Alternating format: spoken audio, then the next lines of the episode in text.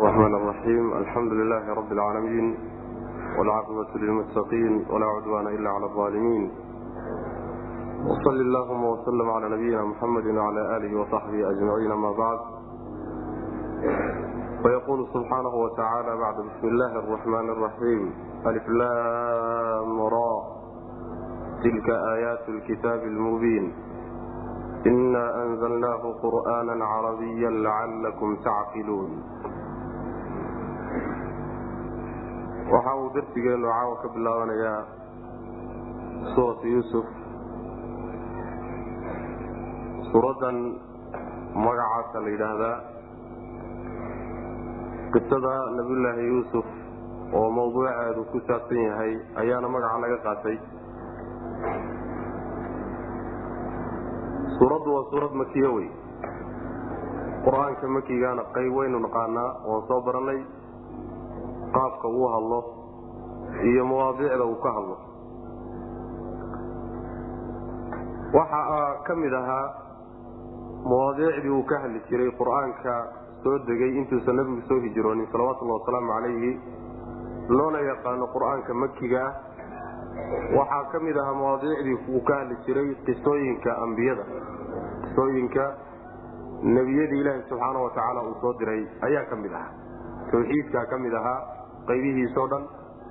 Waxaa ka mid ahaa rususha iyo risaalaadka ka mid ahaa mawaadiicda uu qur'aankaasi caan ku yahay inuu ka hadlayay ahayd. Waxay si gooniya marka suuraddani xoogga u saaraysaa jaanibkii qisooyinka. Khaasatan hal qiso ayay suuradda inteeda badan ku saabsan bal kulligeed baa la dhihi karaa. Waa qisada nabiyullaahi yuusuf wey calayhi wacalaa nabiyina asalaatu wasalaam qisadaas ayaa suuraddu markay bilaabataba oo qur'aanka la sheegaba qisadii nabiyulaahi yuusuf baa la gudageli. Ilaa laga gaadho gebagabada suuradda oo lagu dhowaado ayaa macnaha waxa way qisada iyada la wadaya. Qisadaasi marka waxay ka mid tahay yacni qisooyinka kuwa ugu cajabta badan ee haddana yacni ugu wanaagga badan qur'aanka ku soo arooray ilahay baana taa ku tilmaamay subxana wa tacaala axsana alqasas iyuu ilahi subxana wa tacala ku tilmaamay. Maxaa yeele waa qisa sida ay isu daba taallo iyo say u xidhiidhsan tahay iyo qaabka yacni xalaqaadkeedu isu daba yaalaane loo soo tabinayahay. Qaab aad iyo aad u qurux badan oo runtii soo jiidanaya qalbiga wey qiso ahaanna ujeeddadu ma aha uun dad in nufuusta loogu raaxeeyo. Xilliyada la daallan yahay uun dadku sida kutirikuteen iyo maaweelo ahaan in loo isticmaalayo looguma talagelin. Jaanibkaa waa leedahayo murixi waa tahay oo naftu markay yaro daasho waa lagu nasiyaa qisasa dhankaa waa faa'iideyn laakiin faa'iidada ugu weynee ujeeddada laga leeyaha qisada ma ah qisadu waxay faa'iideynaysaa duruus bay faa'iideynaysaa. Duruus tatbiiqi ah oo camali ayay faa'iideynaysaa. Waxay soo degtay baa la leeyahay xilli nebigeennu salawatullahi wasalaamu calayhi uu marayey iyo dacwadiisa iyo dadka raacsanba ay marayeen arrin yani xilli aad cidhiidi u ah. Mar ay marayeen bay soo degtay. Khaasatan markii nebiga salawatullahi wasalaamu calayhi ay ka geeriyootay xaaskiisii khadiija. Isla markaa haddana uu geeriyooday adeerkii abi aalib oo difaaci jiray. Oo markaa gacan walba ay gaadhay nebiga salawatullahi wasalaamu calayh wax difaacanayana markaa aysan jirin waana xaaladii ugu dhib badnayd ee nebigu soo maray salawatullah waslamu aleyh marxaladaas soo deji suuraddu marka waxaa loogu tasliyeynaya oo lagu qalbi dejinayaa oo duruus lagu siinayaa nabigeena salawatullah wasalaamu calayh maxaa yeelay nabiyullaahi yuusuf ilaahay waa imtixaanay subxaana wa tacaala. Imtixaanaad fara badan baa la geliyey. Marka hore walaalihii baa xastay. Marka xigtana waxa weye ceel bay ku rideen oo meel cidlaha bay kaga dhaqaaqeen markii saddexaadna iibbaaba loo geeyo isagoo badeeca ahaan ayaa la gatay. Mar kaleetana gurigii uu tegey baa haddana imtixaan ku qabsaday. Haddana waxa wey xadhig baa ka dambeeyey. Intaasoo imtixaan inta la mariyey ayaa guusha la siiyo. Ilaahay subxaana wa tacaala markii dambe intaa laga soo saaray xabdi yaa boqortooye iyo guri mulki ilaahay subxaana wa tacaala geeyey.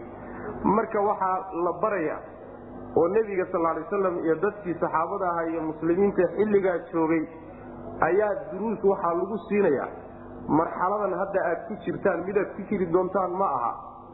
Waa uun xilli ilaahay subxaana watacaala idin imtixaanayo xikmad iyo ujeeddo laga leeyay laakiin sidaa nabiyulaahi yuusufba looga saaray natiijo wanaagsanna uu ugu dambeeyey ayaad idinkuna ugu dambayn doontaan wy macna.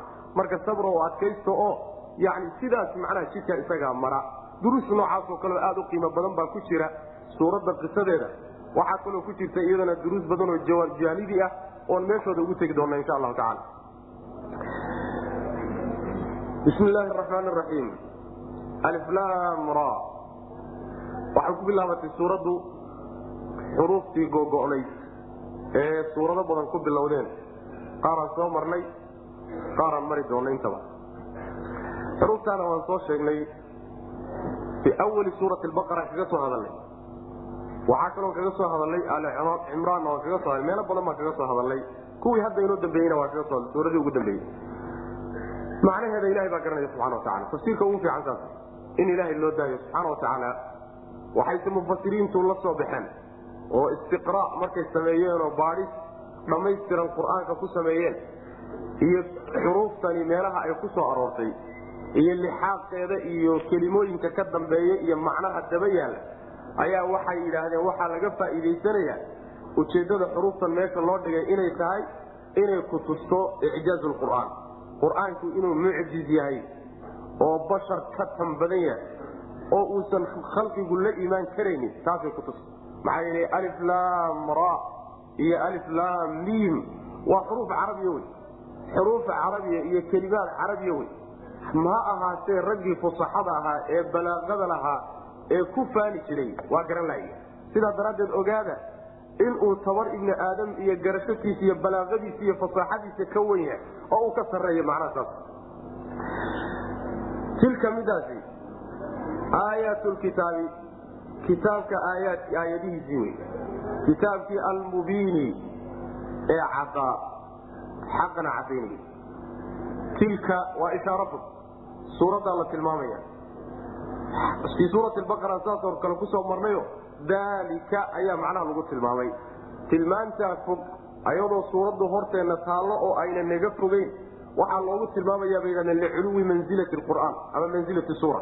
Suuradda mansiladeedaa aada u sarraysa oo qur'aanka mansiladiisaa aada u sarreeya sidaa daraaddeed baa waxaa lagu tilmaamay sidii shay fog oo kale ayaa lagu tilmaamay macnaha marka tani waa aayad kitaabka aayadihiisii wey waa kitaabka qur'aanka. Aayadihiisii weye suuraddani.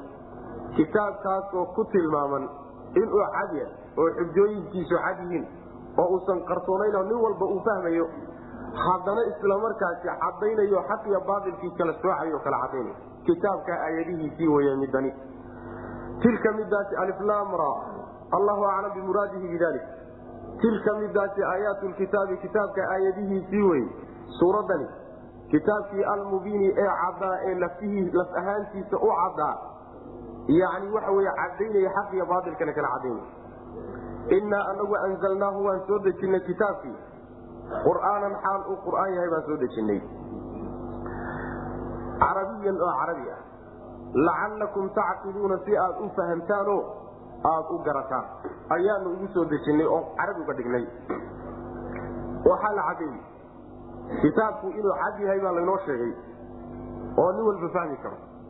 Yacni uma baahna ruuxa qur'aanka tadabburaya ee fiirinhaye fahmi rabaay inuu culuum gooniya oo culuum maadiya uu soo bartiyo muqadimaad uma u baahna luqada qur'aanku ku qoran yahayba hadduu garanayo toos buu qur'aanka u fahmi karaa. Ama xadaaradiisu badawi ha noqoto oo baadiyaha ka yimaado ama magaalo ha ahaato oo magaalaha ku barbaaro ama waxbarasho kale ha lahaado ama yuusan lahaani tadaburba hadduu la yimaado qur'aanka waa garanaya waa iska cadyahay marka. Waxa qarsoon ma aha. Qur'aankaasaa marka la sheegay meeshuu ka yimi xagga rabbi buu ka soo degay subxana watacaala annagaa soo dejinay bu alla leey subxana watacaala asagoo qur'aan ah oo haddana carabi ah luqada carabigu ilahay u doortay subxaana watacaala qur'aanka isaga. Maxaa yeelay nebigii yani waxa wey lagu soo dejinayo nabigeenna salawatulli wasalaamu caleyh yaa luqadiisu carabi ahay bulshadii ugu horeysay ee loogu talagalay in ay qaadato oo ay yani waxa weyaan ay rumaysana yani carab bay ahay waxaa kaloo la yidhaahdaa luqada carabigii waa afsaxu luqaad bay yidhahdaa culimadu. Luqaadka dhan bay ugu fasixsan tahayo waxa qalbiga ku jira markaad doonaysa inaad cabirtahay luqada carabiga luqaadka ugu fasiixsan. Sidaa daraaddeed afdalu luqaat ilaahay wuxuu u doortay yani afdal kutub. Kutubta kii ugu fadli badnaa iyo wuxuu u doortay luqaadka kii ugu fiicnay. Markaasu wuxuu u soo dhiibay yani malaaigta kii ugu fadli badnaa oo jibriil ah.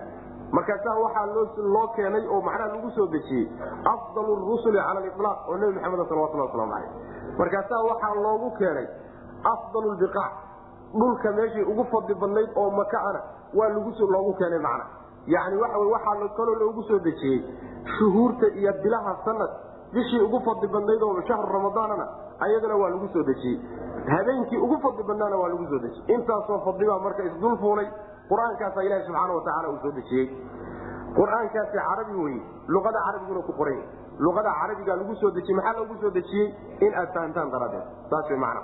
Yacni inaad garataan oo aad fahantaan oo ujeeddada rabbi aad garataan markaad garataanna dee aad ku dhaqantaan ayaa ilaahay subxaana watacaala luqada carabiga ugu soo dejiyey taa waxaa laga fahmaya ruuxii aan luqada carabiga ee qur'aanku ku soo degay aan garanaynin ma fahmi karo qur'aanka tarjamo oo keliyata qur'aanku sidii yaa looguma fahmi karo. Luqaad kale haddii lagugu tarjamo. Luqaadkan kale lagugu tarjamayo waa tashiil waa lagugu sahlaya ama ingiriis ha noqoto ama soomaaliya ha noqoto ama luqad kale ha noqote.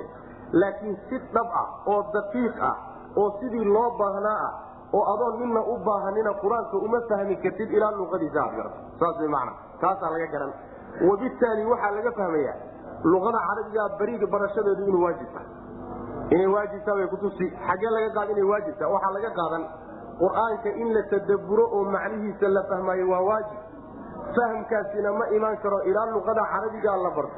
Wamaa laa yatimu lwaajibu ila bihi fahuwa waajib. Waxaan waajibkii lala imaan karaynin in isaga la helo mooyaane waa waajib. Saas w man wixii waajib wasiilo u noqdaay isaguna xukunkiisuu qaadanoo waajib buu noqonaya. Luqada carabiga in la bartahay marka waajib weye sidaas w laakiin waxaa aad nasiib xumo u ah in luqooyin kaleeto laysku mashquuliyo oo wakti lagu bixiyo oo xataa marmarka qaarkood xaaraam loo galo oo macnaha waxa weeye yani wakti lagu yani si laysku dhibo. Haddana maca dalika luqadii qur'aanku ku qornaa ee sunnada nebigu ku qornay salawatullahi wasalaamu calayh ee mabda aan rumaysannahay uu ku qornaa ee jidkii jannada loo marayey uu ku qoran yahay jidkii naarta lagaga badbaadayna uu ku qoran yahay luqadii nooc ahay inaan la danayninba oo aan la jalleecinba waa nasiixumo wey wey oo macnaha muslimiinta ku dhacday. Waxayna ka soo jeedaa dowladihii isticmaalsan jiray ee gumaysan jiray ee reer galbeedka ahaa yaa jurtuumadaas iyo macnaha jeermiska muslimiinta dhexeeda kaga tegay. Welina sidii bay baata ugu tahay macna innaa anagu anzalnaahu waan soo dejinnay qur'aanan. Aad baa loola dagaalamay. Luqada carabiga inay faseex ahaato sidii qur'aanka ay ku joogtahay. Waxyaalihii ay reer galbeedku markay yimaadeen oo caalam islaami ay qabsadeen ay la dagaalameen bay ka mid waxay geesinimo geliyeen oy aad u tashriiciyeen inay luqaadka caamigaa soo baxaan. Lahajaadkan kadaata maxalligaa ilan caalamulcarabigan kadaata luqada carabiga ku hadlaya ummad walba waxay leedahay luqa caamiya yani lahjo khaas oo aan luqadii faseexaadka ahayn. Sacuudiga hadda maalan waa meesha ugu dhow baa la dhihi karaa taqriiban. Haddaad badawigooda baadiyaha dege ee luqadooda caamiga ku hadlay ma fahmi karti haddaad carabi kasta taqaano ma fahmi karti luqaadka noocaas oo kaleeta ee maxalligay marka isku dayeen inay tashjiiciyaano ay soo saaraan. Yaa dhimanaya marka meesha ka baxaya waxaa ka baxaya luqadii carabigeeda fusxaaga ahayd qur'aanka ku soo degay. Ruuxii muslimkaa kiisii carabigaha iyo kii kaleeto cajamigahaba waxay noqonayaan marka ruux hariibo diintiisii iyo kitaabkiisii hariib ku ah oo in loo turjumo mooyaane aan isagu fahmi karin macna. Marka waxa weye waxyaalaha dagaalka u galeen bay ka mid ahay inaguna yani inagoon laynalama dagaalamo waxba laynagu samayn ayaaban macnaha jidkaa iska qaadno oo arrin laynooga tegay inaa anagu anzalnaahu waan soo dejinay kitaabkaas. Qur'aanan xaal uu qur'aan yahay carabiyan oo carabi ah. Lacalakum tacqiluuna si aad u fahantaan u garataan kitaabkaas macnaha iyo qasadka ku jira kadibna aad ugu dhaqantaan naxnu naqusu calayka axsana alqasasi bima awxaynaa ilayka hada alqur'aana wain kunta min qablihi lamin alhaafiliin halkaasa waxaa laga guda galay qisadii nabiyulaahi yuusuf ayaa bilaabatay. Naxnu annaga ayaa naqusu kuu qisoonayna nebigo calayka dushaada axsana alqasasi. Qisooyinka midii ugu fiicnayd baanu kuu qisoon kuu sheegayna bimaa awxaynaa biiixaaina waxyoonshahanaga ilayka adiga aan ku waxyoonay darti haada qur'aana qur'aankan aan ku waxyoonay ayaanu kugu qisoonayna wain kunta wainhu amrya shani kunta waxaad ahayd min qablihi qur'aankan hortii la min alhaafiliina qisadan kuwa iska halmaansan baad ka mid ahay yani qisooyin ugu wanaagsan baanu ku qisoon baa la leeyahay waxaa la sheegaa sababnuzuulka aayadda ibnu jariir tabari wuxuu soo saaray. Xaakim baa warinaya sidoo kale xadiis. Sixadiisana allahu aclam xadiiskaasi waxa uu sheegaya inay saxaabadu nebiga sal lay slam maalin maalmaha ka mida ay weydiiyeen. Oo yidhaahdeen nebiyow maad noo sheegtid ood nooga qisootid qiso wanaagsan maad nooga qisootid macna. Markaasay aayaddani soo degtay. Naxnu naqusu calayka axsana alqasasi. Markaasa haddana waxay ku yidhaahdeen nebiyow maad sheeko iyo warka ugu fiican noo sheegtid markaasa waxaa soo degtay allahu anzala axsana alxadiisi kitaaban mutashaabiha maani aayadaasaa soo degtay bay leeyihi marka waxay ku soo degtay su'aal ay saxaabadu nebiga weydiiyeen salawatulli wasalaamu calayh qisada iyo yani qisooyinkii iyo dhacdooyinkii dhacay. Ka ugu fiican inuu uga waramo sidaasoo kale su'aal noocaasay ku timid xadiis noocaas oo ibn cabaas u warinay naxnu annaga ayaa naqusu qisoonayna calayka dushaada nebiyow axsana alqasasi. Qisooyinka waxay ugu wanaagsan tahay baa la leeyahay horta qaabka isu daba taalle ee loo xidhiiriyey ee aan loo kala gogoynini waxa weye waxay kutusaysaa inay macnaha waxa weye yani xusniga iyo wanaagga qayb ka mid ta labaadna waxa qisadan tadaasasi ahaanteeda dhacdada qaabkay u dhacday waa qaab cajiiba wey oo isagoo dhan wada duruus ahoo ruuxii akriyahay macnaheeda fahmaya uusan ka dhergaynin waxaa kaleeto oo yani alfaada ay ku qoran tahay iyo jumlooyinka ay ku qoran tahayna ayadana waxa wey yani waa dhinac xusniga ka mido qisadan taasa wanaageeda ka mid a naxnu annaga ayaa naqusu qisoonayna calayka dushaado kaaga waramayna nebiyow. Axsana alqasasi qisooyinka kuwa ta ugu wanaagsan baanu kaaga qison bimaa awxaynaa qisooshaha aan kuu qisoonaynahay wuxuu ku imaanaya waa waxyi. Saasa qaybta dambe laga wadaa macna. Waxa uu ku imaanayo waa waxyi daraaddeed. Waxyooshaha aan qur'aanka ku waxyoonnay daraaddeed ayay qisadaasi ku imaan. Yani lagu hor anagu inaad toos yani waxa wey jiha kale ka qaadan mayside can ariiqi lwaxyi ayaad qisadaa ku qaadan man naxnu anaga ayaa naqusu calayka kuu qisoonayna dushaada axsana alqasasi bimaa awxaynaa waxyooshaha daraaddeed baanu kugu qisoon ilayka adiga aanu kuu waxyoonay. Waxyiganaga aanu ku waxyoonay ilayka adiga dartii baanu kugu qison hada qur'aana qur'aankan aanu ku waxyoonay waxyooshaha aan qur'aankan ku waxyoonay dartii ayaanu qisadaa kugu dul akrinayna wain kunta waxaad ahayd min qablii hortii qur'aankan hortii waxaad ahayd la min alhaafiliina kuwa iska halmaansan baad ahay waxaa laga wadaa kuwa aan warba ka haynin baad ahay qisadan taatay inay dhacday iyo inay jirta iyo waxay tahay iyo waxba maadan ka ogeyn. Qur'aanka unbaa lagugu baray. Taasi waxay daliil u tahay inaad nebi inaad rasuul tahay bay daliil u tahay. Xagga rabbi wax kaaga yimaadeen maxaa yeelay shalayta markaad reerkiina dhex joogto quraysh dhex joogtay oo aad ahayd ina cabdilaahi bni cabdilmualib aad ahayd. Ma u jeedaa haba yaraate ee wax meel aad master ahood qisooyinkan oo kale iyo dhacdooyinkii hore aad ka qaadatana ayna jirin. Ma aadan aqoonin mana aadan garanaynin. Xaggay kaaga timid marka dhulka aad degan tahayna lagagamaba yaqaanaba. Odayaashii rugcadaaga ahaayee khubarada ahaa yaan waxba ka aqoonin xaggee bay ka timid marka. Waxay ka timid in waxyi bay ku timid. Nin loo waxyoodayna waa rasuul inaad rasuul tahay markhaati u tahay marka. Sidaas weyaan midda kaleetana waxa weye waa gallad ilaahay nebigiisa u galay oo u sheegayo shalayta maadan aqoonin. Maantana annagaa ku barnay. Taasi waa gallad aan kugu leenahay wy macna. Taana nabiga salawatullah waslamu aleyh gallad lagu sheeganaya inay tahay. Ayaa iyadana macnaha waxa weye ay faa'iideynaysaa ayad id qaala yuusufu liabiihi ya abati inii ra'aytu axada cashara kawkaban washamsa waalqamara ra'aytum lii saajidiin id wakti wadkur xus nebiyow oo qowmkaaga u sheeg. Id wakti xus qaala uu yidhi yuusufu yuusuf. Liabiihi aabbihi markuu ku yidhi. Yaa abati aabow innii anigu ra'aytu waxaan arkay oon ku riyooday axada cashara kow iyo toban kawkaban oo xidig. Washamsa qoraxdiina waan arkay waalqamara dayixiina waan arkay waan ku riyooday. Ra'aytuhum waan arkayoo waan ku riyooday kulligood. Saajidiina xaala ayihiin kuwa sujuudsan lii aniga ii sujuudsan. Saasuu aabbihii ku yidhi. Nabiyullaahi yuusuf waxa uu ka mid yahay nasab ahaan marka la yidhaahdo iyo abtirsi dadka ugu abtirsi fiican buu ku jiraa. Maxaa yidhi nabigeena la weydiiyey salawatulli wasalaamu aleyh waxa la yidhi man akramu nnaas dadka yaa ugu karaamo badan oo ugu sharaf badan. Wuxuu nabigu yuri sal lay waslam yuusufu nabiyullah ibnu nabiyillaah ibnu nabiyillaah ibnu khaliilillaah saasuu nabigu yuri salawatullah waslam waa yuusuf maxaa yeel isagu waa nebi. Nebi baa dhalay. Nebi kala sii dhalay. Khaliilkii ilaahay baa sii dhalay. Yacni isagu waa nebi aabbihiina waa nebi oo waa yacquub. Awowgiisa koobaadna waa nebi oo waa nebiyullaahi isxaaq awowgiisa labaadna waa khaliiluraxmaan oo ibraahiima yaa ka nasa fiican marka? Marka waa ninka dad ugu nasa fiicnaa buu ahaayo. Ilaa dhowr awow nebiyo iyo khaliil yani waxa wey khaliiluraxmaan ku tirsanay ninkaa isagaa wey nabigeena saa yidhi salawatullah waslamu calayh.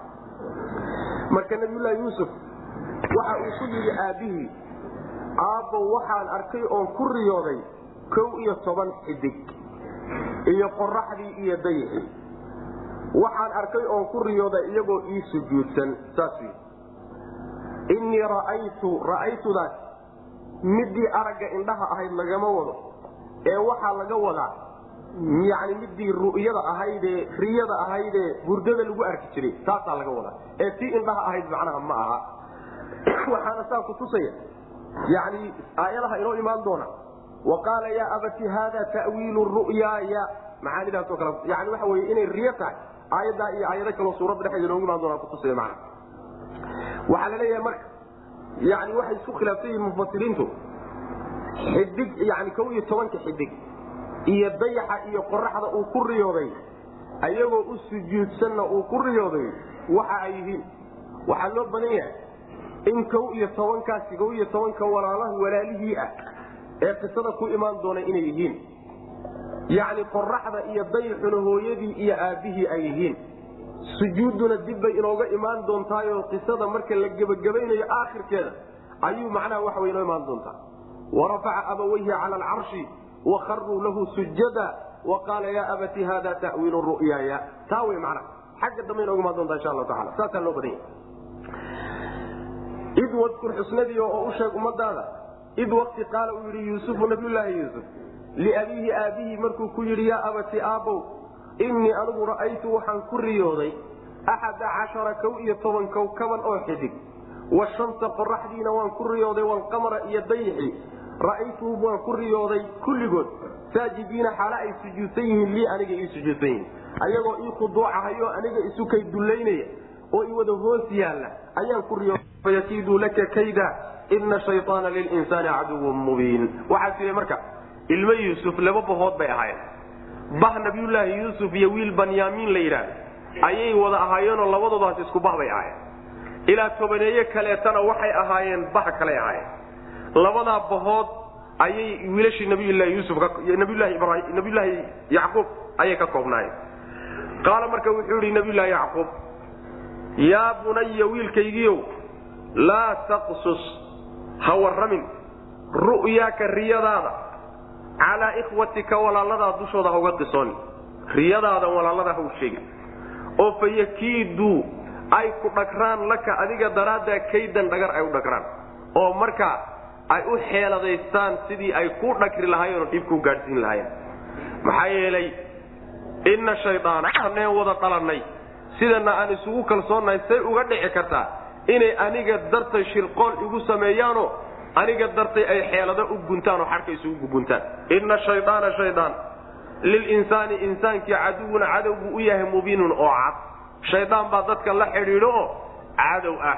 Isagaana hawshaa ka shaqeey saasuu ku yidhi nabiylahi yacquub.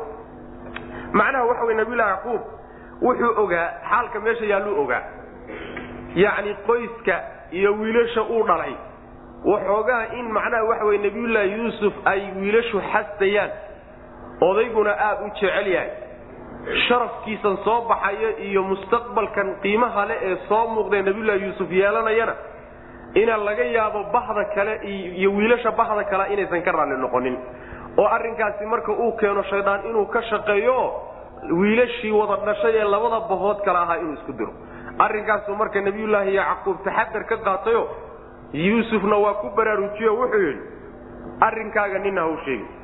Qarso ma u jeedaa waxaaga qarso ha kuu qarsoonaadeen walaalaha ha u sheegin. Maxaa yeelay haddaad u sheegto waxaa laga yaabaa inay ku dhagraano sidii ay dhibkuu gaadhsiin lahaayeen ay macnaha waxa weye ka shaqeeyaan. Oo u xeeladaystaan sidii ay macnaha waxa weeye arrinkaa isagaa iyo wanaagga kuu soo socda kuu seejin lahaayeen xasad daraaddi macnaha arrinkaana waxa uu ku imaanayaa ayagu waa dad wan wanaagsan oo hadda macnaha waxaaba laga yaabaa inaadan ka filanin laakiin shaydaan iyo naf baa dadka la xidhiidha. Shaydaan baa waxaa ka shaqaynoo ku bixin asagaana walaalaha kugu diri. Hadduu kugu dirana waxa weeye shirqoolkaas iyo macnaha waxa weeye sirtaas iyo dhibkaasay ka shaqaynayaan. Marka waxaaga qarso xadiid baa nabiga sal alay slam xadiid xasana sheekh naasir iddiin albani uu taxsiiniyey. Ayaa wuxuu leeyahay nabigu sal lay slam istaciinuu calaa umuurikum aw calaa najaaxi umuurikum bilkitmaan. Arrimihiinna yani u kaalmaysta qarsasho aad qarsataan. Faina kulla dii nicmatin maxsuud nin walba oo nicmanoo ilaahay wax siiyey cid xasada unbaa jiro oo waa la xasdiye ilaahay waxa uu idin siiyey qarsada oo yani macnaha qarsiga aad qarsanaysaan kaalmaysta sidaas xadiidka xasana soo arooray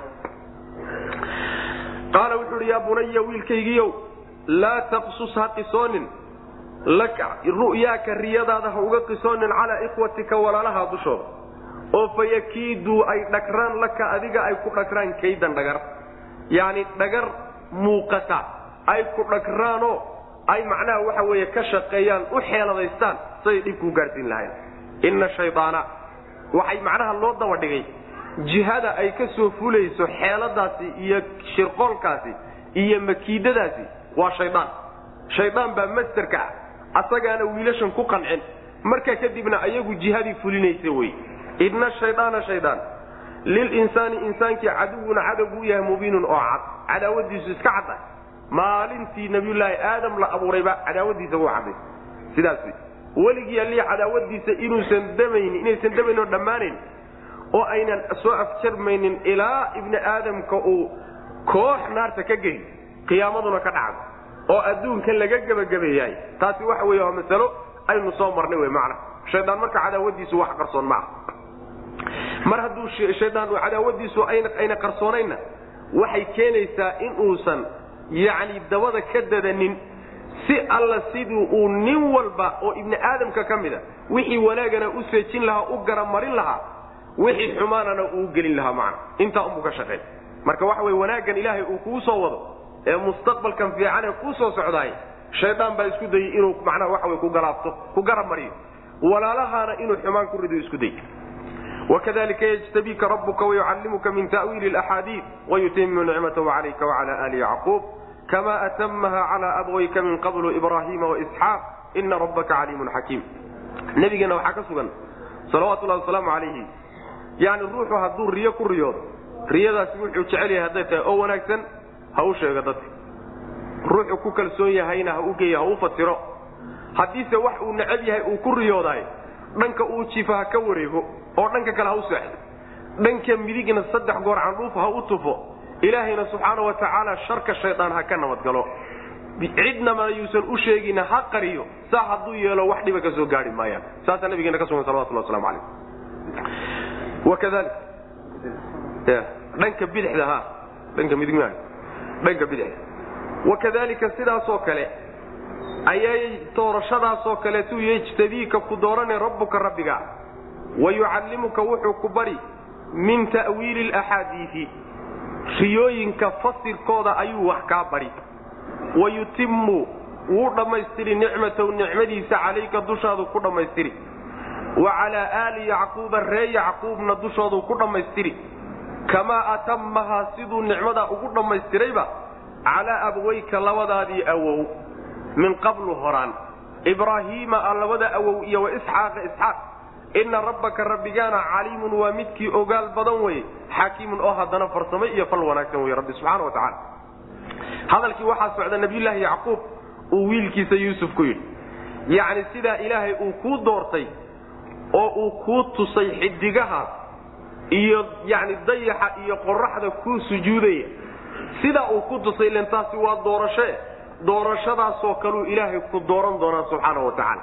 Yacni nebi buu kaa dhigi doonaayo rabbi baa ku xulan doona wey oo addoommadiisa kaa xulan doona.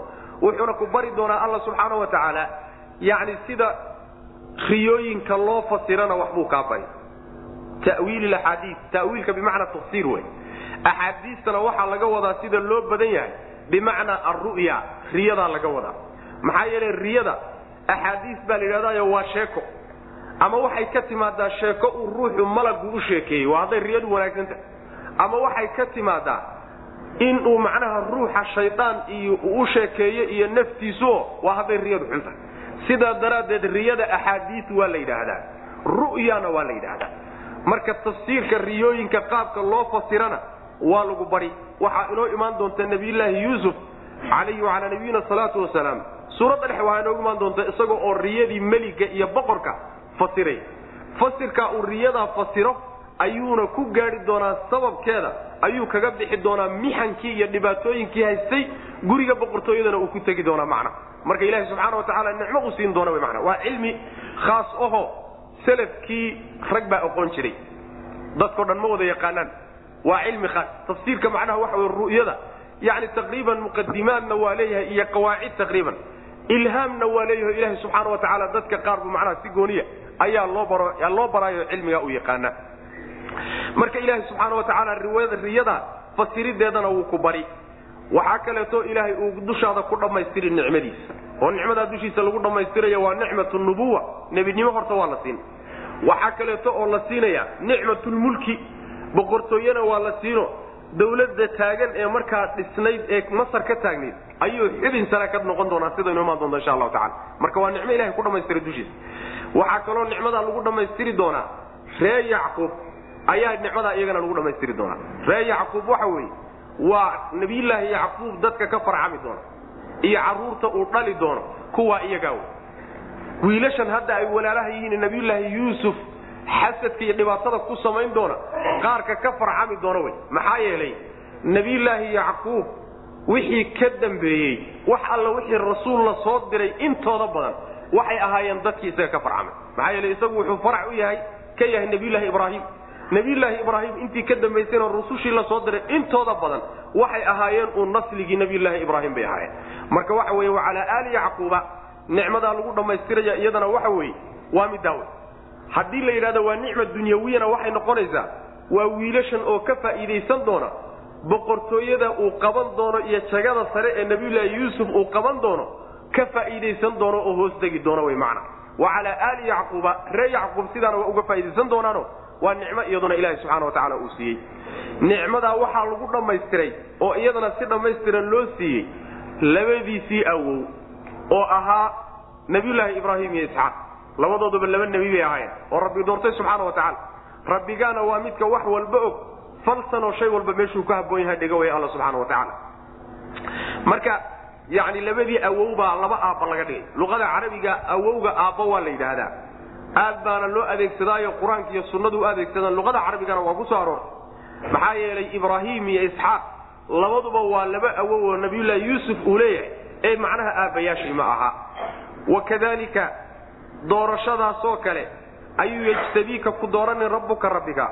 Wayucallimuka wuxuu ku bari min ta'wiili laxaadiii riyooyinka fasirkooda ayuu wax kaa bari. Sida loo fasiro oo yani wax looga sheego oo ujeeddada ka dambaysa. Yani waxa wey loo sheego. Waxaa mufasiriinta qaar ka mida ay leeyihiin ta'wiilu axaadii axaadiistaa waxaa soo wadagela wax soo gudagelaya yani rusushii hore kutubtoodii iyo wixii ilaahay xaggiisa ka soo degay fasirkiisa waxa weeyaan ilahay waxbuu kaa bari riyada fasirkeedana waxbaa lagaa bari labadaa macnaba waa soo gudagelayaan bal wayutimu ilaahay wuu dhammaystiri. Nicmatu nicmadiisa calayka dushaadu ku dhammaystiri. Wa calaa aali yacquuba yacquub reerkiisana waa ku dhammaystiri. Ree yacquub. Waa aabbihii waa reerka aabbihii oo carruurta iyo dadka ka farxami doonaa laga wadaa. Kamaa atamahaa siduu ugu dhammaystirayba calaa abaweyka labadaadii aabbo waxaa laga wadaa labadaadii awow min qablu horaan hadda ka hor. Ibraahiime ahaa labada aabe iyo isxaaqa isxaaq. Labada awow baa ibraahim iyo isxaaq. Ina rabbaka rabbiga caliimun waa midkii og. Wax walba la socda waxba uusan ka qarsoonayn waxaa ka mida ilaahay waxyaaluhu cilmiga u leeyahay. Meeshii uu risaaladiisa u dooran lahaa iyo cidduu dirsan lahaa. Ilahay waa og yaqaanaa subxana wa tacala xakiim weeye oo meeshuu rabbi subxaana wa tacaala wax ugu talagalay iyo meeshii wax ku haboon yihiin buu dhigi. Yani waxbana ma seegaan ilahi subxaana wa tacala waxba lama gara maro oo shay uu doonayay ma gara mariyo saas way macana laqad kaana fii yuusufa waikhwatii aayaatun lisaa'iliin id qaluu layuusufu waakuuhu axabu ila abina mina wanaxnu cusbatun ina abana lafii dalaalin mubiin. Laqad kaana. Xaqiiqe waxaa ahaaday. Fii yuusufa yuusuf dhexdiisa waxaa ahaaday. Waikhwatii iyo walaaladii dhexdooda waxaa ahaaday aayaatun calaamado iyo astaamo lisaa'iliina kuwa wax weydiinaya ayay aayadahaasi ugu sugnaadeen. Id waqti ayay aayadahaasi u sugnaadeen ama yuusuf iyo walaalihii dhexdooda aayado ku sugnaadeen qaaluu ay yidhaahdeen walaalihii la yuusufu yuusuf iyo wa akhuuhu walaalkii ayaa axabbu loo kalgacayl badan yahay ilaa abiinaa aabbahanaga xaggiisa minaa xagganagana looga kalgacayl badan yahay.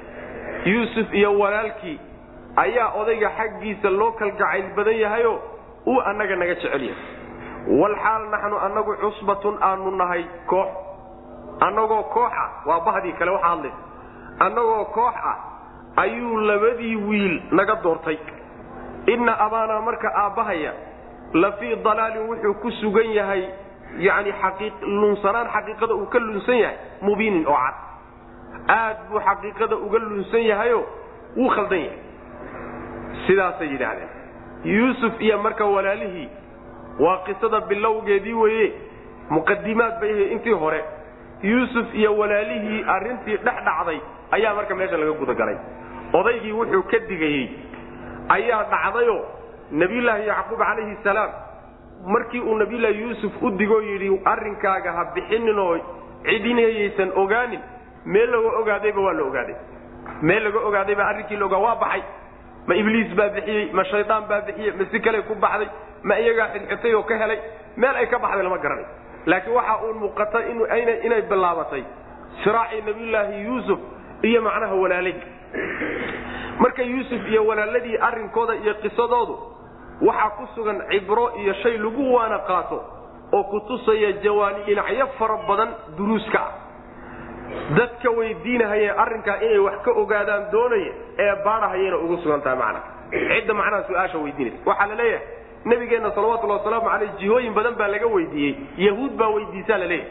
Oo dad badan baa weydiistayo qisadii nabiyullaahi yuusuf say u dhacday noo sheeg. Su'aal noocaas oo kaleetaa ku timid. Aayaadkaasi waxay ku sugnaayeen qisada. Markii yuusuf iyo walaalihii ay yidhaahdeen oo iyagu ay ku sheekaysteen odayga aabbaheen ah waxa uu inaga jecel yahay yuusuf iyo walaalkii. Iyadoo innaga bahdeenna aynu koox nahay oo bah laandheero ah oo rag ilaa tobaneeyo gaadhahay oo aad u badan ah oon laga maarmi karin oo raggii gaashaanka ahaa ee wax walba qaban lahaa inagoo ah yuu labadaa wiil inooga xishay oo labadaa wiil inaga doortay aabbaheen marka waa qaldan yahi khalad cad buu ku jiraa arrinkaasay isfahansiiyeen wiilashii bahda kala ahaayee nabiyullaahi yacquub uu dhalay. Saas way macana meesha marka ay leeyihiin yacni ina abaana la fii dalaalin mubiin. Kama wadaan odaygu diin ahaan buu u khaldan yahay. Kama wadaan. Maxaa yeele waa ogyihiin inay nebi ilaah inuu yahay. Ee waxay ka wadaan xaqiiqada ayuu garab marsan yahay. Qur'aankuna in badan buu adeegsadaa. Shayga markaad garashadiisi iyo aqoontiisii garab marsan tahay waxaa loo adeegsadaa marar fara badan inaka fii dalaal baa la yidhahdaa inaka yani waxa wey fii dalaal waxaad ku sugan tahay macnaa lunsanaano xaqiiqadii baad ka lunsantao garab marsan tahay. Ee diin ahaan baad u lunsan tahay lagama wado. Laqad kaana xaqiiqe waxa ahaaday fii yuusufa yuusuf dhexdiisa iyo waikhwati yani fii shani yuusufa yuusuf arrinkiisa dhexdiisa iyo waikhwatii walaaladii arrinkooda dhexdiisa waxa ahaaday aayaatun waxyaalo lagu cibro qaato iyo astaamo lisaa'iliina kuwa weydiinahaye ee inay wax ka ogaadaan doonaya ayay aayadahaasi ugu sugan yihiin. Id wati ama udkur xus id waqti qaaluu ay yidhaahdeen la yuusufu yuusuf iyo wa akuuhu walaalkii ayaa axabbu loo kalgacayl badan yahay ilaa abiinaa aabbahaya xaggiisa aabbahana xaggiisa loo kalgacayl badan yahay minaa xagganagana looga kalgacayl badan yahay. Yacni aabbahana yuusuf iyo walaalkii buu naga jecel yahayo annaga naga soka marsaday iyaguu xaggiisa marsaday. Wa naxnu anagu cusbulxaal naxnu anagu cusbatun aanu kooxnahay. Yacni annaga oo ay tahay haddii ciduun la jeclaan lahaa oo cidda kale laga hormarin lahaa annagaa mudnayn. Maxaa yeelay yacni qoyska iyo raaska raasweynaha ah iyo raggan kadaata macnaha waxa weeye walaalahee isku wada bahda ah waa kuwa aan laga maarmi karin laakiin labadaa wiil ee islaantu dhashay waa laba wiiloo laga maarmi karo annaga odaygu nagaga maarmi karo. Laakiin ayaga dhankaa u martadaay annaga ma naga maarmi karaa dadka badan baa loo xishaaye. Laba nin lagama doonto wey macnaha waxa weeye qoyskaa laandhaarahe macnaha raaskaa ballaadhan ah. Sidaas weeyaan. Ujeeddadoodu marka waxa weeye odaygu waxay ahayd inuu annaga xagga naga maro oo annaga na jeclaado. Maxaa yeele annagaa badan. Labadanna waa yar yihiinoo waa raas iyo macnaha waxa weeyaan qoys yar wey seebay marka arrinkaasi ku dhacday inna abaana aabbahaya aabbahana lafii dalaalin lunsanaan buu ku dhex sugan yahay mubiinin oo calaa xaqiiqada ka lunsan yahy xaqiiqadii iyo sidii wax u jireenna loo baahnaa in wax loo loo wado ayuu garab marsan yahay oo uu khaldan yahay macna. Iqtuluu yusufa aw iطraxuuhu ardan yaklu lakum wajhu abikum watakunuu min bacdii qawman saalixiin. Muxuu xalku yahay marka? La garay laysuguna sheekey in laska yani waxa weeyaan la jecel yahay bahdaa la jecel yahay. Maxaa xal ah xalku waa ka. اqtuluu dila bay dhaheen. Yuusufa yuusuf dila. Aw amase iطraxuuhu ku tuura ardan dhul ku tuura. Ama dhul bahgooye alla fiirsado meelaha geeya. Maxaad helaysaan? Yakluu waxaa idin bannaanaanaya marka. Lakum idinka wajhu abiikum aabbihin wejigiisaa markaa idin bannaanaanaya ilaan wejigii hadda waxaa ku aadan. Ibraahim baa idinkaga yani waxa weeyaan idinkaga aadan. Waa bannaanaanaya wejigii marka. Wa takuunuu oo dembiga aad gasheen maxaad samaynaysaan marka. Wa takuunuu waxaad ahaan doontaan min bacdihi gadaashiisana. Qawman dad baad noqon doontaan saalixiin oo wan wanaagsan waad iska toobad keenaysaan waxba maaha saas yani waad iska soo noqonaysaan oo ilahay waa kafuur raxiim.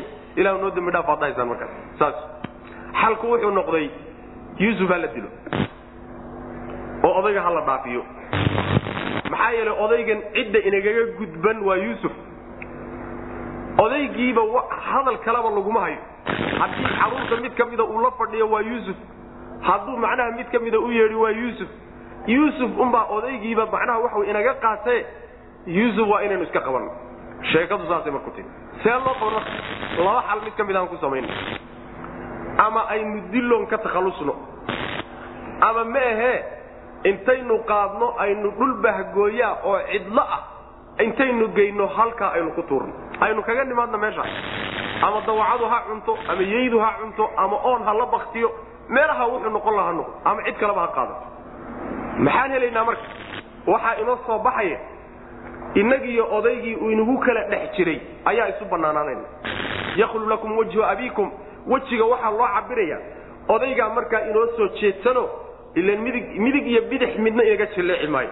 Maxaa yeelay ciddii uu inaga jalleecaye uu fiirfiirsanayey ciddaasi hadduu waayo innaga unbaa markaa layna soo qadani kugu qabatay dantaa ku qabani markaa inuu inaga ina jeclaado inaga ina soo xigsado. Mar haddii yuusuf meesha ka baxo saas yidhahda macana dembigaa aan gallayna ee aan gelaynana markaan yuusuf isdhaafinno kadib oo aynu gaadhno ujeeddadaynu lahayn. Ayaynu ka toobadkeeniyo ilahay uga soo noqonayna. Dad wan wanaagsan baynu markaa noqonaynaayo ilahay toobadda waa aqbalaya macana sheekadaasaa laysugu sheekay.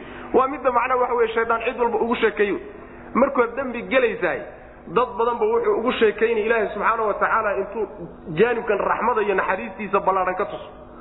Oo rajo geliyo oo yidhi diilo geliyo oo waxyaalo badan ku akriyo ayuu wuxuu odhanaya war ilaahay waa kafuururaxiime bal intaad iska gasho haddana ilaahu ii dembi dhaaf ilahay subxaana wa tacaala dembiga waa dhaafahay sidaasuu ka odhanaya macana waa tilaabada ugu horraysa uu kugu gelinaya sidaasay marka soo jeediyeen. Marka waa laba ra'yi.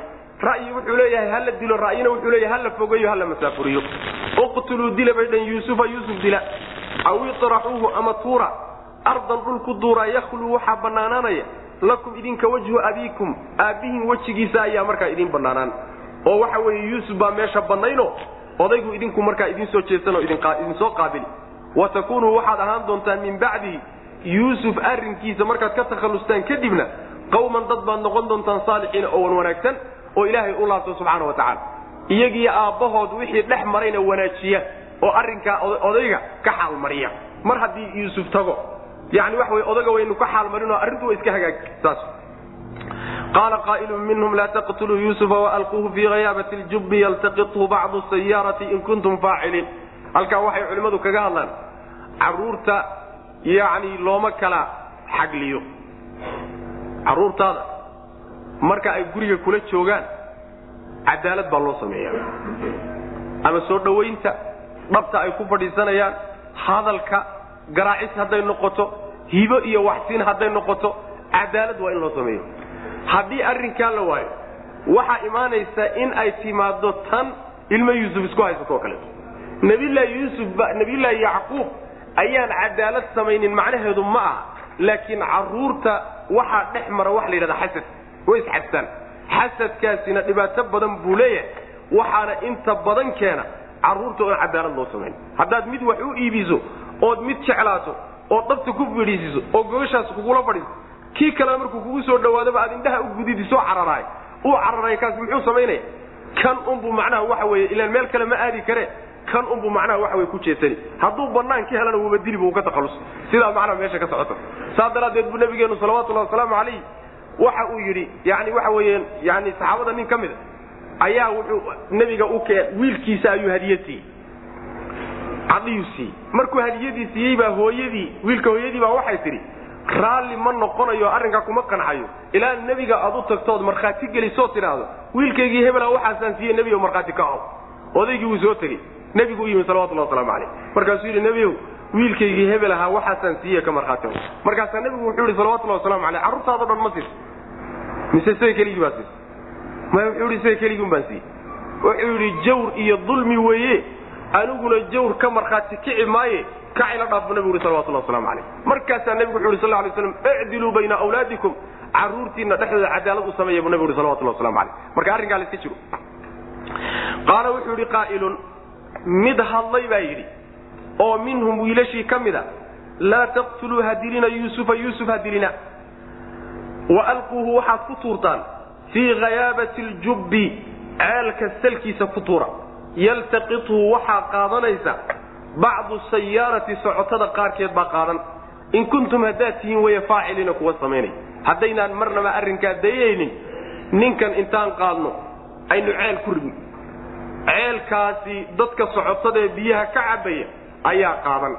Kolleyo kollayba haddaynu arrinka samaynayno saa aan yeelno. Laakiin ninkan kadaata dilkiisa nimayoyaynaan u badheerin. Wax loo badheeri karo ruux muslima dilkii ma aha midda kaleeto inaynu masaafurino oon meel cidlo egaynaana ayaduna waa arrin adag wey laakiin ceel aan ku ridno xalkaasuu keena waa ninkii ugu weynaa baa laleeyahayo ugu odaysanaa bay leeyihiin mufasiriintu marka jubbiga waxaa la yidhahdaa waa ceelka intaan weli karkaarada loo samaynin. Ayaa jubbi la yidhahdaa yacni ceelasha qaarna qori baa dusha laga saaraa oo macnaha waxa weye xadhigga lagu qabtaa. Qaarna waxaa lagu dhisaa dhagaxaan baa lagu dhisaa intaan ama dhagaxaanta lagu dhisin ama karkaarada la saaran baa ceelka jubbi la yidhahda ceel noocaasoo kalea marka aan ku tuurno xalkaasu soo jeediya dilkiina aan ka badbaadino yaynaan dilin. Si macnaha dadkaa socotada isaga qaato oo yacni wiil ay uga dhigtaan oo ula tagaan. Qaala wuxuu yihi qaa'ilun mid odhanayahay oo minhum ayagii ka mida laa taqtuluu ha dilina yuusufa yuusuf ha dilina. Nin walaalkaa a dilkii wax loo badheeri kara ma ah. Diloo dhan isagoo khariban yahay ruux muslima la dilaayay haddana dil sokeeya wax saalan ma ah haddana waxaaba ka sii kharibanba walaalkaa dil ula badheer waa masale cajiiba wey. Waalquuhu ku tuura. Fii hayaabati ljubbi ceelka salkiisa ku tuura. Yaltaqithu waxaa qaadani bacdu sayaarati. Socotada qaarkeed baa qaadan. Ha qaadato socotadaad dhulka socote ee macnaha iska socote saa yeela. In kuntum haddaad tihin faacilina kuwa samaynay yacni haddaad taladayda qaadanaysaan waa macno. Oo wax iga yeelaysaan ama in kuntum faaciliina haddaad yeelaysaan oo aad inaad wax gaadhsiisaanba go'aankaa ku soconaysaan war niman yahu taladaa qaata wey macnaha labada macnoba waa la sheega carruurtaa marka nabiyullaahi yuusuf uu dhalay nabiyullaahi yacquub uu dhalay ee aan yuusuf ahayn kuwa kaleeto nebiye inay yihiin wax ku soo arooroo daliila ma jiro. Waa laysku khilaafsanya mufasiriinta qaar baa qaba nebiyey noqdeen oo markaa kadib buu ilaahay doortay subxaana wa tacaala dembigana waa loo dhaafay laakiin wax daliiloo kutusaya inay nebiye noqdeen ma jiro. Daliilka ugu dhowey waxa weeye waa meesha ilahi subxaana wa tacaala aayado badan uu ku tilmaamayo. Quluu aamanna billahi wama unzila ilayna wma unzila ila ibraahiima waismaaciila waisxaaqa wayacquuba wlsbaat asbaataas ayay qaar waxay yidhahdaan nabiylahi yacquub wiilashiisii wey laakiin asbaata waxaa la yidhahdaa qabaaisha yahuudeed baa la yidhahdaa. Reer bani israiil qabaaishoodiiba asbaata la odhan jiray. Marka daliil ahaan taasaa u dhow wax marka daliil cad oo loo hayo inay nebiye ahaayeen ma uu jiro. Waxaa kaloo diidaysa inay nebiye ahaayeen baa la leeyahay isku daygana isku dayaan nebi alle dilkii. Iyo waxyaalahan ay ku kacayaan kulli waxay diidaysaa inay nebiye ahaayeen bay diidaysaa oo qolyaha daliishanaya inaysan nebiye ahayn qolyaha macnaha qaba ayaa daliishanaya. Qaaluu ya abaana maa laka laa ta'manna calaa yuusufa wainaa lahu lanaasixuun. Arsilhu macanaa hadan yartac wayalcba wainaa lahu laxaafiduun. Waxaa la gudagalay marka taladii laysla guddoomiye. Meel baa la yskula xidhay taladu waxay u dhacday in yuusuf la qaado oo ceel lagu rido. Dilkana laga baajiyo. Odayga see looga farabixini marka. Odaygiibaa ku dhegan e oo nebiyulaahi yacquub baan ogolayn inuu meella u dhaafee balsaan gacmihiisa kaga bixin lahayn keena. Qaaluu marka waxay yidhahdeen markay u yimaadeen nabiylahi yacquub yaa abaana aabbahanow maa laka maxaa kuu sugnaaday maxaad u dan leedahay? Oo laa ta'mannaa aadan noogu aaminaynin. Calaa yuusufa yuusuf maxaad noogu aamini laada walxaal innaa anagu lahu isaga lanaasixuuna khayr aan la doonayn annagoo daacad u ah oo walaalihiia oo khayr la doonayn haddana waxaad noogu aamini ladaa muxuu yahay. Maxaad u dan leedahay? Arsilhu dir macanaa la jirankanaga na raaci. Hadan barri yartac ha iska soo faajafaajooday ha iska soo faakihayste. Wayalcab ha ciyaaree wa innaa anaguna lahu isaga la xaafiduuna kuwa ilaalinayaanu nahay. Saasay yidhahdeen yacni odaygiibay marka hore waxay u jeediyeen dhaliil u jeediyeen. Nabiyullahi yacquub calayhi salaam. Waxay ku yidhaahdeen sidaadaba maxaad u dan leedahay? Annagiiyo walaalkanna unbaad uuna kala ilaalinaysahay. Annagoo khayr la doonayno oo walaalkaya jecel oo wanaag la rabnoo daacad u ah unbaad haddana nagu kala dhex jirtaa ood naga waardiyeynaysaa maxaad u dan leedaho walaalkana noogu aamini laada ma dad walaalo ah ayaa laysku aamini waaya. Haddana isu naasixiin oo daacad isu oo khayr isla doonaya xaggee bay tuhmadu ka timi. Su'aal noocaasoo kale odaygiiba weerareen marka hore.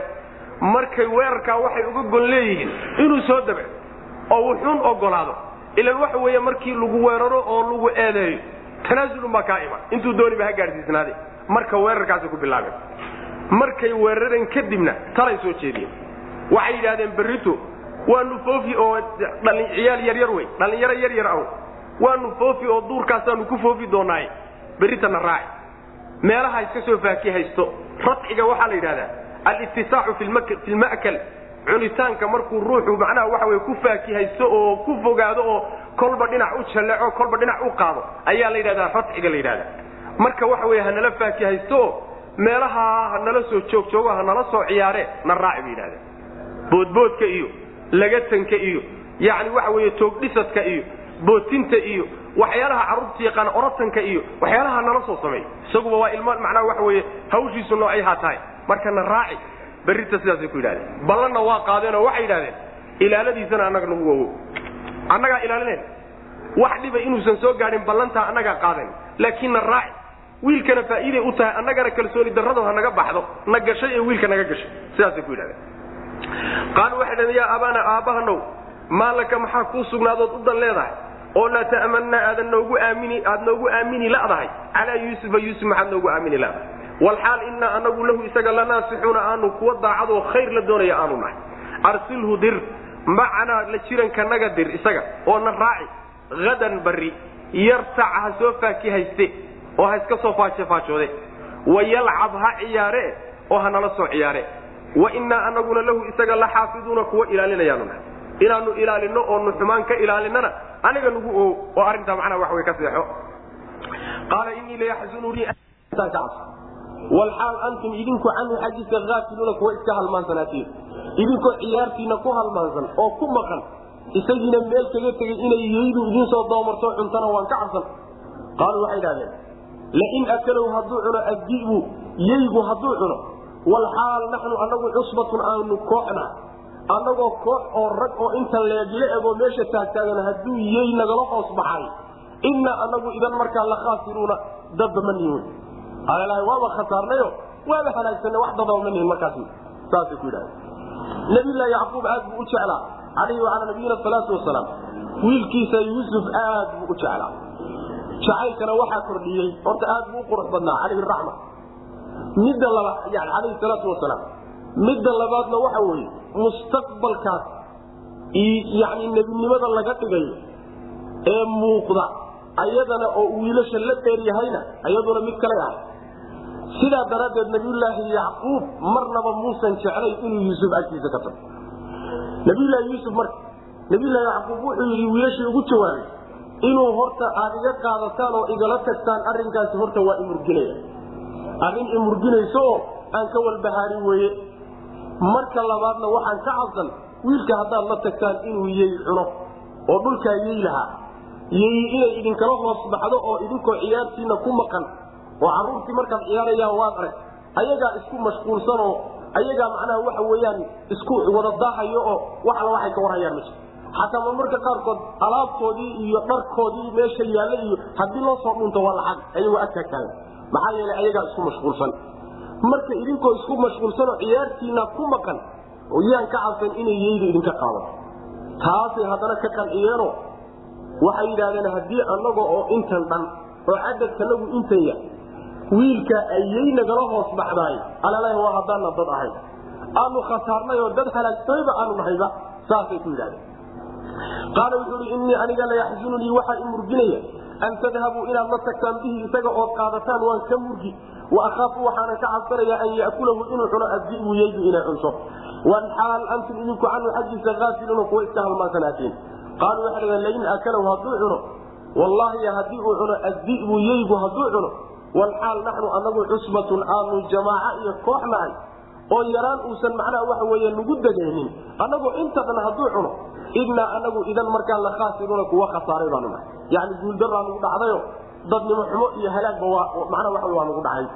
Falamaa dahabuu bihi waajmacuu an yajcaluuhu fii hayaabati ljubbi waawxaynaa ilayhi latunabi'annahum biamrihim hada wahum laa yashcuruun. Waa qanciyeen marka. Nabiyullaahi yacquub wiilashii waa qanciyeen. Wiilkiina farihiisa ka bixiyeen falamaa dahabuu markay la tageen bihi isagii oo waajmacuu ay go'aansadeen an yajcaluuhu inay ka yeelaan inay yeelaan fii hayaabati ljubbi ceelka salkiisa inay yeelaanna ay go'aansadeen oo waawxaynaa aan u waxyoonnay ilayhi isaga latunabi'annahum wallaahi inaad u warrami iyaga biamrihim arrinkoodasaad uga warrami haadaa ee kan ah walxaal hum iyagu laa yashcuruuna ayna dareemaynin arrinkaasu markuu dhacay ayay macnaha waxa weyaan jacaluuhu fii hayaabati ljubbi jawaabtii macnaha la maada macnaheedu waxa weye wiilkii waa la tageen go'aanna waxay ku gaadheen inay ceelkii ku ridaan. Ceelka markay ku ridayeenna ilaahay baa subxaana watacaala malag u soo dirayo dhegtaa loo saaray. Nabilahi yuusuf dhegtaa wax loo saaray. Waxaa lagu yidhi arinkan hadda ay ku kacayaan iyo waxa ay kugu samaynayaan maalin aan maanta ahayn baad uga warrami doontaa ayagoon ku garanayn wahum laa yashcuruun. Taasi waxay kutusaysaa dejin la qalbigiisa la dejinaya nabiyulaahi yuusuf oo ilaahay subxaana watacaala uu siinayo wax layidhaahdo yani weheshi la siinayo waxaa inuusan meeshan ku dhimanaynin dhibna uusan ku soo gaadhaynin kana kana samata bixi doono ayaa meeshaa lagu tusay walaalihiina ayaga oo aan garanaynin inuu yuusuf yahay. Maalin aan maanta ahayn waxanay ku kacayaan inuu uga warrami doono ayaa meesha loogu sheegay.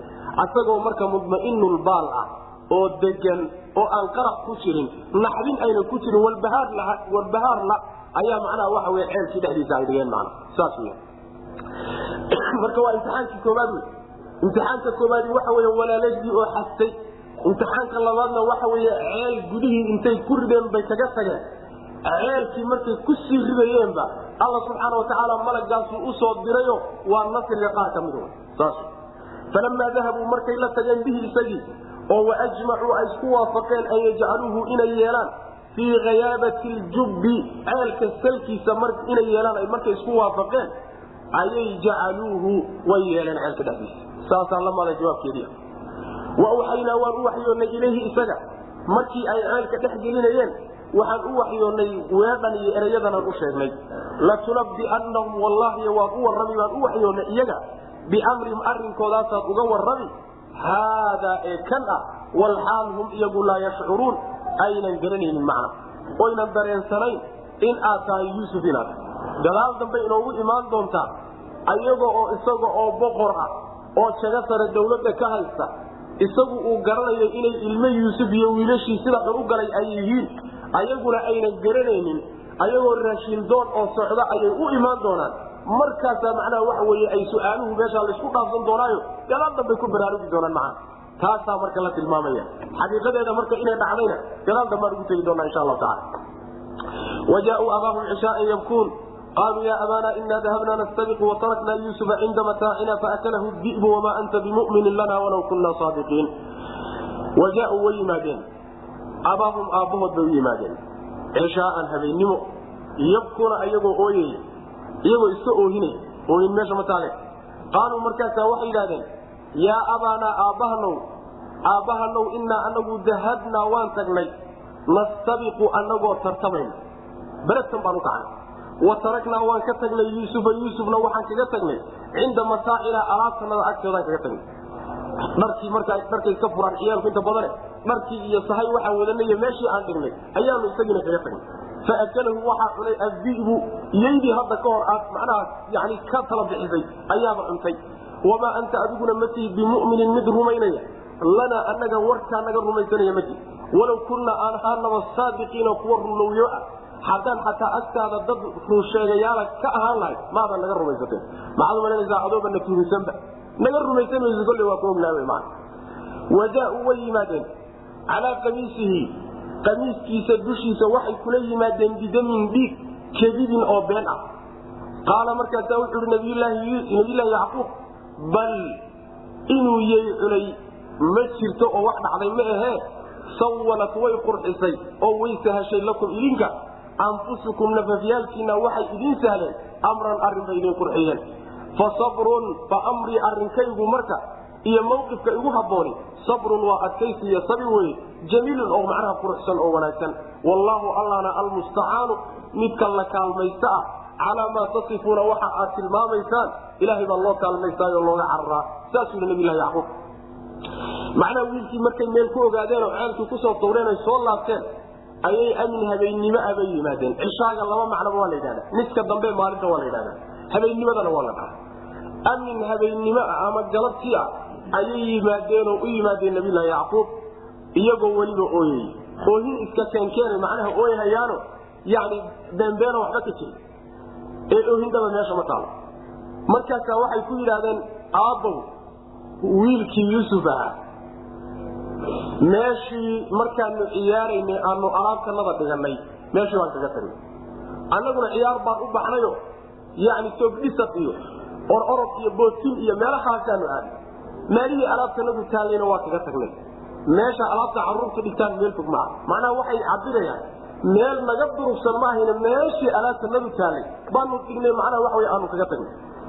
Ha ahaatee meeshii ayuu macnaha ku cuntay arrinkaana arrin aad naga yeeli ma aho oo waanu ogna hadda kahor baabad ka arara yani afeef horaad ka dhiibatayo hadda ka hor baa tii waxaan uga cabsanayaa yey annagana waabadna tuhunsanayno wiilkan inaanu doonaynaa tuhmo noocaasa kugu jirto hadda ka horba waadigii naga ilaalin jiri adoo tuhmo kugu jirtay hore oo inaanu wiilkan kadaata xumaan la doonayna na tuhunsanaa maantana wiilkii waayey warkan inaadan naga rumaysanan waa wax iska cad laakiin waa iska dhahaynaa w man maxaa yeelay xataa haddaan runlowyaal agtaada ka ahaan lahayn maadan naga rumaysateen. Maxaad umalanaysaa adoona tuhunsan macna saasay ku yidhahdeen. Marka waxaa la yidhahdaa nabiyulaahi yacquub xujadii ay ku xuja bixi lahaayeen iyo waxay ku cudurdaaran lahaayeen yuu afka u geliyey. Markuu xagga macnaha waxa wey ka soo hadlay wa akhaafu an ya'kulahu di'bu inay cuntaan ka cabsan. Markuu yidhi halkaasayba ka qaatayba macnaha waxa wey waxay ku cudurdaaran lahayen waxay ku marmarsoon lahaayeenba halkaasay kala baxeen. Saas manaa afka u geliyaa la yidhahda markay dileen waa inay markhaati keenaan. Ilan tuhmaa saarnay hadal keliyana laga rumaysan maayo. Waxay sameeyeen marka markay nebigii ay macnaha waxa wey ceelkii ku rideen. Dilid maahayna markay ceelkii ku rideen. Oo ay soo laabteen. Yay waxar intay meelaha ka heleen bay gawraceen. Say mufasiriintu leeyihiin waxarkii markay gawraceen bay dhiiggeedii waxay marmariyeen shaatigii uu qabay nabiyulaahi yuusuf ayay soo marmariyeen. Laakiin waxaa seegtay inay shaatiga dilaaciyaan. Say u soo wadeen shaatigii dhiigloon meella ka jeexnay yay nabiyulaahi yacquub ku soo hortuureen markaasina markhaatigii waka haddii saa loo fiiriye meellada kama jeex. Warbahalkankaasiyeynina cuntay bahal uu qabay uma eke nimayose wax u yaalla. Ila ninyay qabsatay waxa wey maryahay marka hore ka dildilaacay markaa kadibba jidhkiisa u gudbi. Dhiig keliyata oon meel seexan lahayn yay meesha yani waa raadkeedii kama muuqo arrinkaasaa marka markhaati u noqday. Markaasaa wuxuu ku yidhi meesha yay wax cuntay ma taalle. Naftiinaa xumaan idiin qurxisay iyo inaad yuusuf wax ku samaysaan tii baadna fuliseen oo samayseen. Anigana mawqifkaygu waa inaan sabro oo aan dulqaato ilaahayna subxaana watacaala aan kaalmaysto oo waxaan aad samayseen. Rabbi subxaana watacaala aan la kaashado. Saasuu ku yidhi nabilahi yacquub. Wa jaauu way yimaadeen. Abaahum aabbahood bay u yimaadeen cishaaan amin cisha habeennimadii yabkuuna ayagoo ooyey iska oohinay. Qaaluu waxay dhahdeen yaa abaanaa aabbahanow innaa anagu dahabnaa waan tagnay nastabiqu anagoo tartamayna oo abaratamayna wa taragnaa waan ka tagnay yuusufa yuusufna waxaan kaga tagnay cinda mataacina alaabtanada agteeda waa alaabtii macnaha waxa wey ay markay furteen iyo alaabtay wateen iyo waxaa faakalahu waxaa cunay addibu yey baa cuntay. Wamaa anta adiguna ma tihid bimuminin mid rumaynaya lanaa annaga warkaa naga rumaysan maysa walow kunnaa xataa haddaan ahaan lahayn saadiqiina kuwa runlowyaal haddaan xataa agtaada runlowyaal ka ahaan lahayn maada naga rumaysatee maxaad umale marka adoonna tuhumsanaaba yani marnaba naga yeeli maysi wajaauu way yimaadeen calaa qamiisihi. Qamiiskiisii iyo shaatigiisa dushiisa waxay kula yimaadeen. Bidamin dhiig bay kula yimaadeen kadibin oo been ah. Yani waa dhiig lagu been sheegayo. Yani sida ay u soo sheegeen iyo sida wax u dhaceen. Ayna jirin oo dhiiggii nabiyulaahi yuusuf ma ahe waa dhiig macnaha waxa w waxaradii qaala wuxuu yihi nabiyulaahi yacquub bal arinku sidaa ma ahe sawalad waxaa qurxisay lakum idinka anfusukum nafafyaalkiinu waxay idin qurxiyeen. Amran arrin bay idin qurxiyeen oo waxyeelada nabiyulaahi yuusuf ah. Fa sabrun fa amrii marka arrinkaygu sabrun waa adkaysi iyo sabir wey jamiilun oo quruxsan. Sabirka yani quruxsani waxa weeye waa inaadan yani sheeganin oodan dacwoonin oo wixii ku gaadhay aadan meelaha wadwadin oo aadan macnaha waxa wey jazac iyo argagax kugu dhicin kaasaa la yidhaha sabirka jamiilka. Wallaahu allana almustacaanu midka la kaalmaystaa calaa maa tasifuuna waxa aad tilmaamaysaan eed sifaynaysaan ilaahay baa loo kaalmaystaayo. Yani waxaan aad sheegaysaan ee waxyeelada nabiyulaahi yuusufa ilaahay baa subxaana watacaala loo kaalmaystaa. Wajaءat sayaarat faarsaluu waaridahum faadlaa dalwa.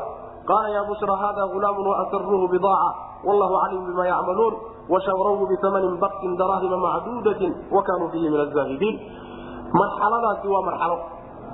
Waxaa meesha taalla marka nabiyulaahi yuusuf ceelkii markii lagu riday warkiisu muxuu ku dambeeyey?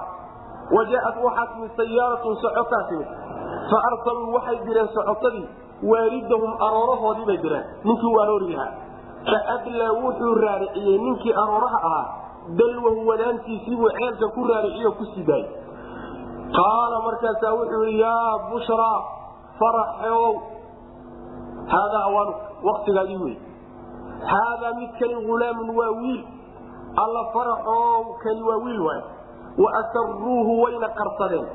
Bidaacatan xaalu badeecaya wallaahu alla caliimun kii og weye bimaa yacmaluuna waxay samaynayaan washarawhu way iibsadeen nabiyulaahi yuusuf. Biamanin lacag bay ku iibsadeen. Baksin oo yar liidata daraahime ayay ku iibsadeen dirhamiyo. Macduudatin oo la tirin karo. Yani la tiriyey. Wa kaanuu waxayna ahaadeen fiihi dhexdiisa yuusuf dhexdiisa min azaahidiina kuwa nacay bay ahaayeen. Kuwa aan doonaynin oo rabin bay ahaayeen mana aahidka waa la ruuxan waxaan doonaynin ayaa la yidhahdaa zahida fi macnaheedu waxa weye ceelkii markii lagu riday qolyo socotaabaa ceelkii soo duldegay hadday soo duldegeenna nin baa la dirayo wardan ceelka biyo ino waraani baa layidhi ninkii ceelkii markuu yimidna wadaantiisiibuu ku sii daayey. Wadaantii markuu ku sii daayeyba nabiyulaahi yuusuf baa soo qabsaday. Biyaad wadataasuu isu lahaa. Ceelkii markay wadaantii afkiisa soo gaadhayba wiil yaroo qurux badan baa wadaantii la socda yani waa xarigii la socda markaasuu si khiyaar la'aana dhawaaqayo yaa bushraa bui macna alla bishaaro iyo farxeey yani imo wey kani waa wiil saas kani waa wiil alla faraxaydii iyo barwaaqadaydii iyo yani waxa bishaaradayde kani waa wiil buu yidhi macna ayib intaa markuu yidhi ayaa ilaahi subxaana watacaala marka wuxuu ka warramay wa asaruuhu bidaaca. Asaruuhuda waxa weeye qoladii yani socotada ahaa ee wiilka qaatay nabiyullahi yuusuf ceelka kala baxay way qarsadeen. Iyay ka qarsanayaan waxay ka qarsadeen socotada inteedii kale oo waxay ku yidhaahdeen waanu soo iibsanay ama ma ahee waxyaalo kale u sheegeen way ka qariyeenoo ninkan nin la soo helay oo ceel laga soo saaray inuu yahay saa ugumayna sheegin si aan loola wadaagin oo aynan u wada wadaaginoo waan isku leenahay u odhanin ayay qarsadeenoo wa asaruuhu bidaaca asaga oo badeeca ah oo alla iibsaday oy soo gateen ayay macnaha waxa weye qarsadeenoo qaarkoodii kale ka qariyeen. Ilaahayna subxaana wa tacaala waxay samaynayaan markaa waa og yahay nebigiisana waa ka difaaci karaayo waa ka celin karaa laakiin xikmad baa meesha ku qarsan ujeeddo weyn baa meesha la doon in laga fuliyo. Way iibsadeenoo lacag yar bay ku iibsadeen. Qolada iibsatay qoladee wey mufasiriinta qaar waxay leeyihiin qoladan iibsanaysa waa walaaladii nimankii walaaladii ahaa yaa ceelkaba mayna ka agfogaanina way ka agdhawaayeen markay arkeen wiilkii oo lala soo baxay ayay intay soo boodeen bay yidhahdeen annagaa laho addoonka nagi wey addoon buu noo yahay ilaa walaalkaya hadday yidhahdaan weeye la iibsan maayo. Sidiibay ku gateeno yani waxa weeye safartii ugu wareejiyeen. Safartiibay sidii ugu wareejiyeen. Sidaas ibnu cabaas iyo keyrkii baa laga wariyay mufasiriin fara badan inay gateen. Waana ra'yiga ibnu kaiir uu rajaxayo wa sharawhu biamanin nimanka ku gadanaya waa walaaladii ra'yi kaloo mufasiriintu qabaa wuxuu leeyahay qolada gadatay waa nimankii ceelka kala soo baxay ee socotada ah.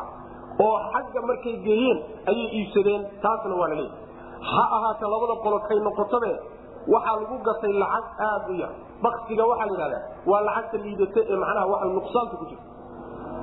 Dhinaca nuqsaantu kaga jirtana waxa weeye lacagtu way kala fiican tahay oo dahabkii fidadu waa kala fiican yahay lacag liidatay ahayd liidashadaas haddana waxay la deeray lacag tirsan bay ahayd fidada iyo dahab haddii ay afartan gaadhaan taqriiban waa la miisaamaa.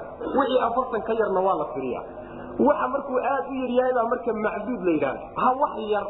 Haddana aan qiimo lahayn oo yaraantiisa qiimo ku lahayn ayaa nebigii alla la dhaafsaday oo isagoo badeeco oo silca ayaa lakala siisay maa sidaasu alla subana wataala ule marka ay iibinahayaanna waxay ahaayeen kuwo aan rabino isdhaafinay yani shay qaali ku agtooda haddii uu yahay way ku gorgortami lahayen lacagtiisa fiicanna way siisan lahaayeen oo nin aad u qurux badan oo qaaliya w wiil yaroo hadda kobcayo wey lacag fiican bay siisan lahayen hadday macnaha qiimo ay agtooda qiimo ka leeyihiin laakiin waxa weeye way isdhaafinahayeenoo maba ayna rabin ilaahu mar idin dhaaf bay lahayn macna sidaasay ku gudbiyeen. Wajaat waxaa timid sayaaratun socoto ayaa timid fa arsaluu way direen waalidahum koodii aroorahoodii bay direen. Kii biyaha u soo qaadin lahaa. Faadlaa ceelkiibuu yimid baa meeshaa ku qabsan wuu soo tegay ceelkiibuu yimid faadlaa markaasuu wuxuu raariciyey dalwahu wadaantiisii buu ceelkii ku raariciyo ceel ku sidaayey qaala markaasaa wuxuu yidhi halkaana waxaa ku qarsoon wadaantii ceelka markuu ku raariciyo oo ceel uu macnaha xadhigii soo jiiday ayaa waxaa soo raacay nabiyulaahi yuusuf baa soo raacay. Markuu indhaha ka qaaday wiilka kadaata meesha xadhigga la socda ayuu marka hadal ku dhawaaqay qaala marka wuxuu yidhi yaa bushraa bishaaroy yani imow waa meeshaadi iyo xilligaagii. Haadaa kani hulaamun waa wiil faraxa ka keenay. Waasaruuhu way qafaasheen waasaruuhu way qarsadeen. Qolyihii socotada ahaa way qarsadeen. Nabiyulaahi yuusuf bidaacatan xaal uu badeeca yahay bay qarsadeen. Badeeca ahaan intay u qaateen ayay qarsadeenoo intoodii kale ka qarsadeenoo mayna u sheegin. Wallaahu allana caliimun kii og weya bimaa yacmaluuna waxay samaynayaan. Wa sharawhu way gateen walaalihii bisamanin lacag bay ku gateen. Baksin oo liidata. Lacag aad u liidato oo kala dhiman ayay ku gateen daraahiimo ayay ku gateen dirhamyaalo inaysan dahab ahayn baa meeshaa lagu cadayn ee ay fida ahayd. Daraahimo dirhamyaalo ayay ku gateen. Macduudatin oo la tiriyey oo wax faraha lagu tirin karo oon badnayn a macna. Wa kaanuu waxayna ahaayeen fiihi nabiylahi yuusuf dhexdiisa min azaahidiina kuwa aan doonaynin oo isdhaafinaya oo aan macnaha inuu u sii yaalo u sii jooga aan jeclayn oo qiimo uusan la sidaasay ahaayeen bu alla leeyahay subxana wa tacaala. Wallahu aclam wsal allahu waslam ala nabiyina muxamadi alihi wasaxbi waslm